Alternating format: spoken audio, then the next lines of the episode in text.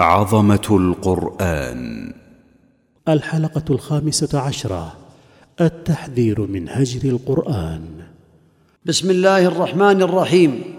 الحمد لله والصلاة والسلام على رسول الله وعلى آله وأصحابه وأتباعه بإحسان إلى يوم الدين. أما بعد فمما يدل على عظمة القرآن الكريم النهي عن هجره وعدم العمل به وعدم تلاوته حق تلاوته. ولا شك أن هجر القرآن العظيم خمسة أنواع كما ذكرها الإمام ابن القيم رحمه الله تعالى. كلها تدخل في قوله تعالى وقال الرسول يا رب إن قومي اتخذوا هذا القرآن مهجورا وهذه الأنواع لهجر القرآن على النحو الآتي. النوع الأول هجر سماع القرآن والإيمان به والإصغاء إليه.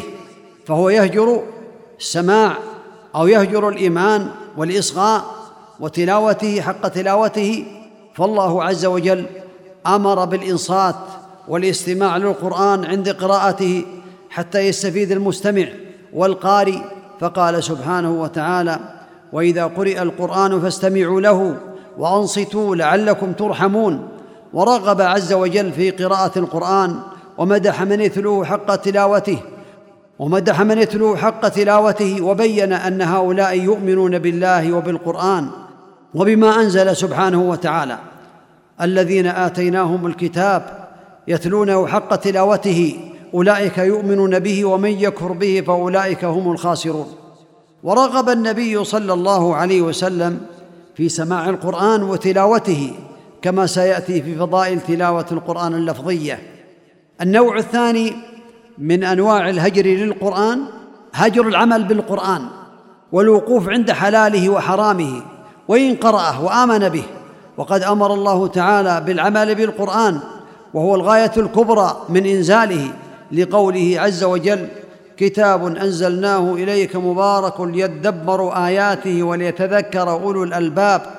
وهذا العمل هو التلاوة الحكمية للقرآن وهو تلاوته حق تلاوته. قال عبد الله بن مسعود رضي الله عنه والذي نفسي بيده إن حق تلاوته أن يحل حلاله ويحرم حرامه ويقرأه كما أنزله الله ولا يحرف الكلم عن مواضعه ولا يتأول شيئا منه على غير تأويله. النوع الثالث من أنواع الهجر هجر تحكيمه والتحاكم إليه في أصول الدين وفروعه فيجب على العباد أن يتحاكموا إلى هذا القرآن العظيم وأن يحكموا به بينهم. قال الله تبارك وتعالى ومن لم يحكم بما أنزل الله فأولئك هم الكافرون وقال عز وجل ومن لم يحكم بما أنزل الله فأولئك هم الظالمون وقال سبحانه وتعالى ومن لم يحكم بما أنزل الله فأولئك هم الفاسقون وقال فإن تنازعتم في شيء فردوه إلى الله والرسول إن كنتم تؤمنون بالله واليوم الآخر ذلك خير وأحسن تأويلا. وقال سبحانه وتعالى فلا وربك لا يؤمنون حتى يحكموك فيما شجر بينهم ثم لا يجدوا في أنفسهم حرجا مما قضيت ويسلموا تسليما. وقال سبحانه وتعالى وما اختلفتم فيه من شيء فحكمه إلى الله.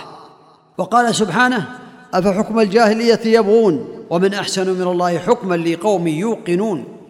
والرابع من أنواع الهجر هجر تدبر القرآن وتفهمه ومعرفة ما أراد المتكلم به. قال الله عز وجل أفلا يتدبرون القرآن أم على قلوب أقفالها؟ فيجب على العبد أن يتدبر القرآن حتى لا يكون من الذين قد هجروا التدبر الذي بينه الله تعالى بقوله أفلا يتدبرون القرآن أم على قلوب أقفالها. النوع الخامس من هجر القرآن هجر الاستشفاء به والتداوي من جميع أمراض القلوب والأجساد فإن القرآن هو شفاء للأجساد وشفاء للقلوب وشفاء من كل داء. ولهذا قال الله عز وجل وننزل من القرآن ما هو شفاء ورحمة للمؤمنين. نعوذ بالله من هجر القرآن ونسأله عز وجل أن يجعلنا من الذين يتدبرون القرآن على الوجه الذي يريده الله تعالى ويتلوه حق تلاوته إنه ولي ذلك والقادر عليه. وصلى الله وسلم وبارك على نبينا محمد. جزى الله الشيخ خير الجزاء وجعله في ميزان حسناته. والسلام عليكم ورحمة الله وبركاته.